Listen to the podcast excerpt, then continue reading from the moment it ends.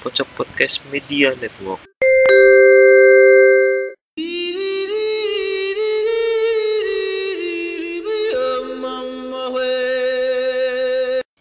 Selamat pagi, siang, sore, dan malam para pendengar. Selamat datang di Pojok Podcast. Hari ini hari Rabu tanggal 3 April tahun 2019. Ini adalah podcast pertama kita ya. Jadi kita senang banget bisa membagikan opini kita kepada para sekalian terkait isu-isu terkini yang berkembang di masyarakat. Nah, pada malam ini kita akan membahas tentang MLI dengan judul MLI Sang Polisi Sosmed. Nah, sebelum mulai izinkan gue dan teman-teman gue untuk memperkenalkan diri. Eh, di sini gue Bujang sebagai host. Gua Cucu. Gue Monet. dan gue mau Oke. Jadi di sini teman-teman udah familiar kan ya dengan MLI? iya eh, gue taunya sekilas di kolom explore Instagram Hmm, jadi random aja gitu ya. Iya Oke. Kalau Mas Jojo gimana nih? Kalau gua taunya justru dari ketika di beranda YouTube, gua scroll-scroll, eh nemu thumbnail, thumbnail yang itu isinya kontroversial. Nah itu gua akhirnya menelusurin dan ternyata konten-konten yang dia pakai itu semuanya kontroversial dan yang lagi hot news lah di kalangan netizen maupun masyarakat Indo secara umumnya. Hmm, Kalau gitu ya. ya, Jadi Iya, yang, saat, Mas yang Gus. tadi Mas Tomo dari Instagram, kalau Mas Jojo dari YouTube, YouTube ya. iya jamaah YouTube. Kalau Mas Monet gimana nih? Gue sebagai fans jati insert. Gue selalu lihat kan itu. Nah, Oke. pas pas waktu itu ada berita MLI. Nah, kasusnya Joshua Oke. itu gila. Hmm. Orang-orang pada terpelatuk itu. Di situ emang bener sih masalah- roastingnya Joshua mantep bener itu. Hmm. Cuman padahal cuman kata sedikit aja itu tapi kena banget. Mm-mm. Cuma roasting etnis Oke. tertentu gitu aja kan. Iya sih. Gue juga udah nonton sih sebenarnya. Nah, jadi teman-teman semua udah tahu ya. Nah, jadi gini, ML itu kan punya banyak ini ya, punya banyak konten ya, dia punya banyak playlist di YouTube mereka tuh ada debat kusir, meja, fix dark comedy, hakim komedi, highlight, roasting dan kenyataan. Nah, untuk sesi malam ini kita cuman fokus ke konten MLI yang debat kusir aja. Nah, kan sekarang popularitas ML ini kan lagi naik dan menurut kalian apa sih yang bikin mereka tuh jadi hit banget sekarang? Eh, kalau menurut gue ya sebenarnya sih ya fansnya itu yang bikin mereka populer. Kan MLI itu kan awalnya kan itu eh, dapat dapat fansnya itu dari stand up comedy. Terus kan kalau di sosmed kan kalau tombol share itu udah bisa ke mana-mana bisa ke sesama Instagram atau mungkin ke kalau YouTube mungkin ke ya integrasinya udah enak banget tuh Sebar Hmm, aja. Oke, jadi karena mereka udah punya basis fans ya sebelum mereka sepopuler sekarang Hmm. gitu ya. ya eh, Oke, kalau menurut Mas Jojo gimana mas? Kalau menurut gua ya apa namanya mereka itu sangat pintar dalam memanfaatkan situasi.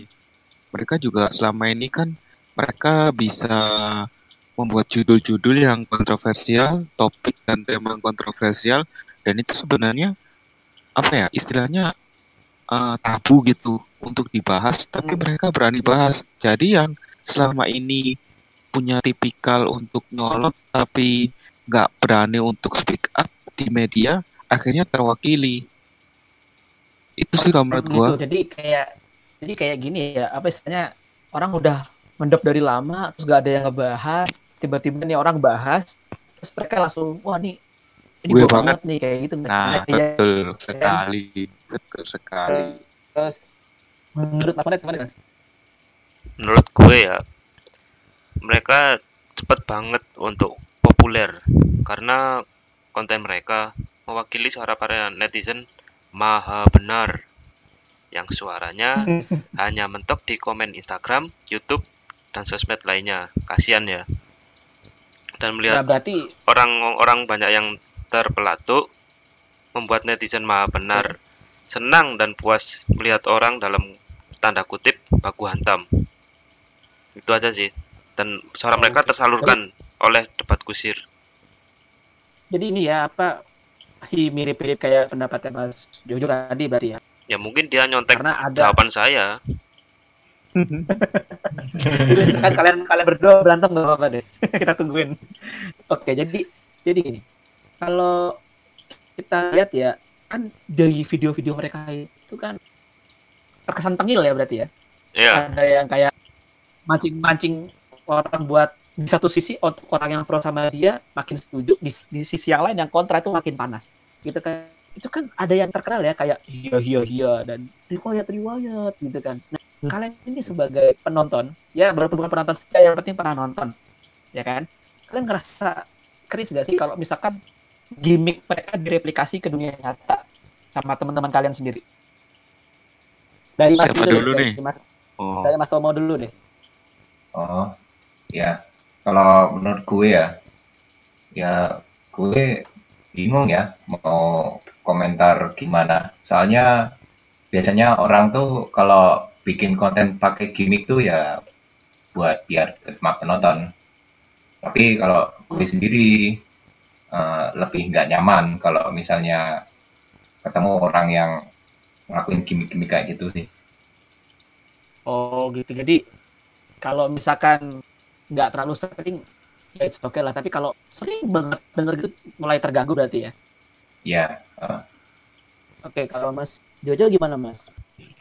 kalau menurut gua ini udah overuse serta mengarahnya ke cringe ya. Soalnya ketika kita meng- menggunakan sesuatunya berlebihan itu pasti ujungnya nggak baik sih.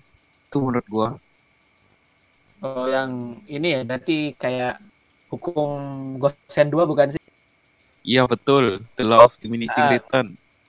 Kayak gimana tuh bunyinya itu? Bunyi teorinya gimana? Nah, ketika ketika lo apa namanya min haus, terus habis itu minum sekali, itu masih kurang, dua kali itu udah agak puas, tiga kali pas, empat kali, lima kali, itu akhirnya lo kembung, perut lo akhirnya pecah tuh, gara-gara karena lo udah kebanyakan. Nah, apa namanya istilah-istilah hia-hia itu udah kayak gitulah analoginya sekarang. Jadi kalau kebanyakan hia-hia perut pecah itu bisa sama dengan muak berarti ya. Ya betul sekali. Oke, kalau menurut Mas Monet gimana Mas? Kalau gue nyaman aja sih. Selama gimmick itu bisa membuat channel itu makin naik dan membawa Oke. view yang banyak. Di mana itu bisa mendapat Oh. essence tujuan utama dari MLI. Bahkan ada Oh, Komen. justru malah Hah? Ya? Hmm. Lu, lu justru malah ini ya malah pro ya sama kondisi di mana gimmick mereka ditiru sama banyak orang itu malah lu dukung ya soalnya kan itu adalah salah satu bentuk keberhasilan marketing mereka gitu ya berarti. Iya, bahkan ada orang yang sengaja lihat video cuma nyari ya ya ya nya aja terus exit. Iya iya. Gue pernah gue pernah komennya juga ditunggu-tunggu ini hia hianya mana gitu kan. Nah, Oke.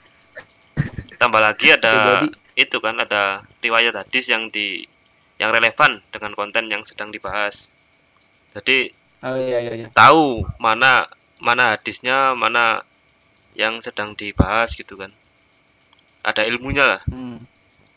Nah, oke, jadi kan Emily ini kan dengan segala gimmicknya gitu kan. Nah, dengan segala kontroversi yang dia itu kan pasti mereka ingin menyampaikan pesan kepada viewernya, ya kan? Nah, kalian ini bisa nggak sih pesan mereka tuh dari Mas Monet dulu deh. Di s- gue ya. Di sini gue bisa menangkap pesan yang disampaikan oleh debat kusir di mana thumbnail dan kontroversi yang ditujukan kepada tokoh atau isu yang sedang viral demi view yang banyak. Tapi itu sebenarnya cuma kamuflase dari MLI dari debat kusir. Karena isi konten yang sebenarnya ditujukan ke netizen yang katrok dan julid. Contoh aja nih ada tim Garuda Select yang berisikan anak-anak usia 16 tahunan lah dikirim Hmm. ke Inggris untuk berlatih sepak bola. Debat kusir dengan judul dan thumbnail Garuda Select malah bukan membahas itu, tapi malah membahas komen netizen yang julid ke tim Garuda Select di Instagram Super, Super Soccer contohnya. Di sini ada pesan yang mereka sampaikan untuk tidak menjelekkan orang yang berprestasi. Dan dalam kasus ini netizen tidak selalu benar, tapi bisa juga salah. Oh gitu. Jadi menurut pandangan Mas Modet ini sedikit banyak konten apa namanya konten Meli debat kursi ini ada kaitannya dengan aktivitas netizen di, di sekitar fenomena tersebut gitu ya berarti. Iya, mereka debat kusir ini malah merosting komenan netizen yang julid ini tadi ke tim Garuda Select. Oke, oke. Nah, kalau menurut Mas Jojo gimana, Mas?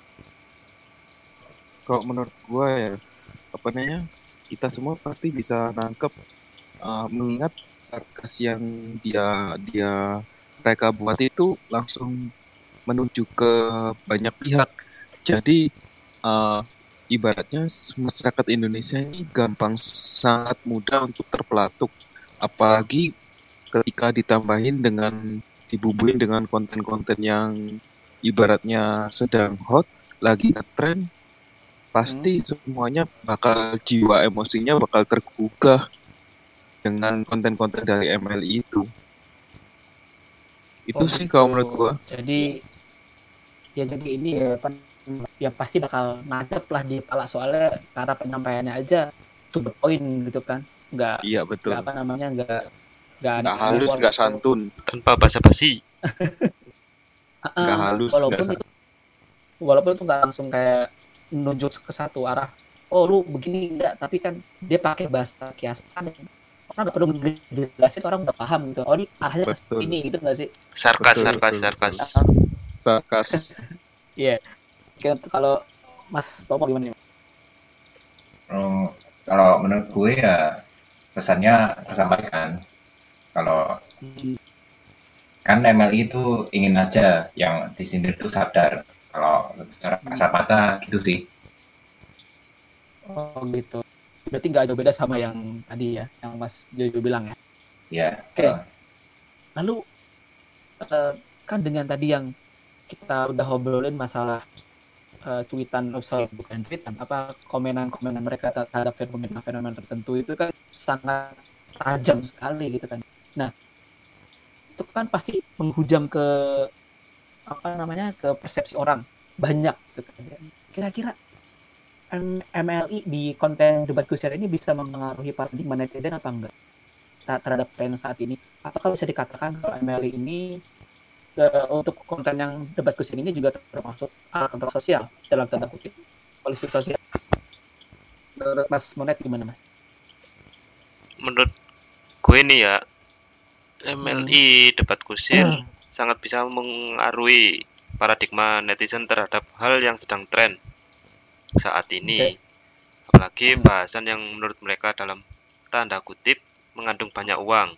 Nah, di banyak banyak uang di sini tuh maksudnya menurut MLI itu konten ini bisa mengundang AdSense yang banyak dan viewer yang banyak. Oke, oke, oke.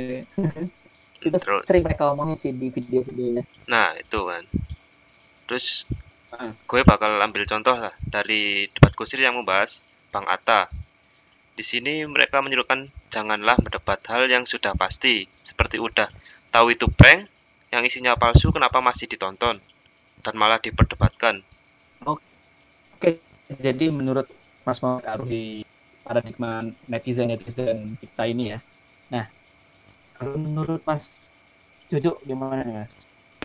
Kalau Gua ya, gua uh, kurang lebih sama kayak Mas Monet yang bisa menginfluence. Jadi apa namanya sebenarnya duo kapitalis ini sangat pintar dalam dalam menginfluence untuk netizen ini. Apalagi mereka kan sebenarnya sangat-sangat kapitalis. Dalam artian mereka kan membuat akun YouTube, membuat debat kusir, membuat konten-konten yang banyak dan yang ibaratnya menyinggung-nyinggung me menyinggung-nyinggung itu pasti ujungnya dimonetize ujung-ujungnya duit dan ujung-ujungnya bakalan jualan kaos mereka itu. Jadi mereka harus ya betul merchandise maupun kaos yang apa namanya religion addiction itu salah satu contohnya itu pun juga merupa itu pun itu pun juga menurut gua sebenarnya kaos itu ada sangkut pautnya dari debat kusir materi-materi debat kusir mereka itu Oh. itu jangan-jangan Nah. itu kaos itu atau merchandise itu adalah buah dari ke keviralan konten-konten mereka ya mungkin. ya betul itu merupakan buah keviralan dan juga salah satu pundi-pundi uang bagi duo kapitalis ini Hmm, Oke, nice. Bagus. Oke, kalau menurut Tomo gimana, Mas? Eh, kalau menurut gue ya, kalau mempengaruhi paradigma netizen terhadap hal yang tren, ya kalau eh, sebagai dalam tanda kutip alat kontrol sosial, ya soalnya kalau berdasar ilmu komunikasi masa McQuill, y- yaitu bukunya Mass Communication Theory, itu eh, media sosial tuh bisa mempengaruhi netizen dan kalau netizen itu kan bisa berpartisipasi aktif ya mereka bisa dalam tanda kutip eh, ngasih pandangan mereka. Dalam hal ini kan debat kusir. Nah, debat kusir itu dia apa namanya ikut berperan gitu loh dalam membuat kontrol sosial itu seperti itu sih Wah, oke. Tadi keren banget sih itu. Mas Tomo eh, argumennya berdasarkan literatur ya. Kalau bisa Mas Monet sama Mas Jojo juga gitu juga ya. Jadi biar lebih ada dalilnya gitu kan. Masa ngomong gak ada dalilnya gitu kan. Tuh kan siap sekarang siap sekarang YouTube lebih dari literatur tuh. Oh. Oke, siap, siap. Siap ini full siap, opini siap. ya, ini, ini, ini bukan fakta ya, ini full opini ya. Dan kita bisa lihat kan konten MLI yang sebelum-sebelumnya itu kan dia bahas tentang Atta Halilintar, K-popers, Deddy Kobush, yang like terus Reza Octavian, PUBG, dan yang paling akhir itu bahas tentang daging babi dengan kurma, walaupun itu enggak di dalam kontennya debat kusirnya. Nah, tapi menurut kalian apakah celotehan tersebut itu menggambarkan yang di roasting itu secara sebenarnya atau hiperbola. Terus kira-kira yang di roasting itu bisa ketrigger nggak? Jelas, jelas adanya sih. Sekarang lihat aja tujuan utama MLI debat kusir ini kan buat nyinggung pihak tertentu. Karena dengan gitu konten yang mereka buat bisa rame di seluruh jagat sosmed. Di mana Hmm, pas sekali tuh dipenuhi netizen katrok bin maha benar Hmm. dan tanpa Hmm. pengetahuan haters MLI debat kusir ini Hmm. malah welcome dengan haters-haters ini karena di situlah haters bisa mereka umpamakan sebagai dalam kutip ya sapi perah mereka gokil gak Oh, tuh Jadi gini ya, jadi jadi ketriggertan mereka itu memang sudah dirancang berarti ya. iya Harus harus trigger supaya viral, supaya dapat duit gitu ya. iya hater capek-capek Oh. meluangkan waktu untuk nge-hate kan eh ternyata malah menguntungkan buat MLI dibilang iya, iya. promosi gratis Oke, nice nice point banget ya. Oke, lalu menurut Mas Jojo gimana nih? Nah, kalau menurut gua sebenarnya ketrigger atau enggak itu pasti balik lagi ke kepribadian masing-masing ya. Kalau men- kalau perspektif dan menurut kacamata gua ya, gua sebagai pribadi nggak tertrigger sama apa namanya sama konten-konten yang dari MLI itu. Tapi kan di Indonesia ini masih banyak sumbu pendek ya.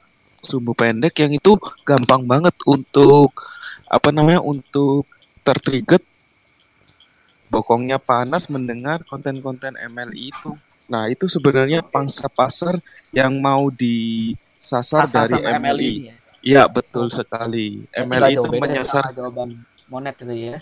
Nggak jauh Iya, beda tadi berarti. Iya, Jangan-jangan kalian contek-contekan nih. Iya, iya, iya, iya. iya. Oke. apaan sih? Garing ya. garing garing Oke, oke. Nah, kalau menurut Mas Tomo gimana nih, Mas? Ya kalau menurut gue ya, ya ini pastinya tergantung reaksi yang dikritik ya. Hmm. Kalau menurut gue sih kembali ke standar moralnya tiap orang masing-masing. Ya Oke. ada yang standar moralnya itu eh, dalam tanda kutip menurut dia itu kalau roasting orang itu merupakan hal yang dalam tanda kutip satu hal yang biasa gitu. Dan Hmm. ada kalau orang itu yang dalam tanda kutip standar moralnya itu ya kalau mau ngeritik orang tuh ya utamakan lewat jalur pribadi dulu daripada meremehkan, menghujat atau menghina seperti itu. Nah, kalau Hmm.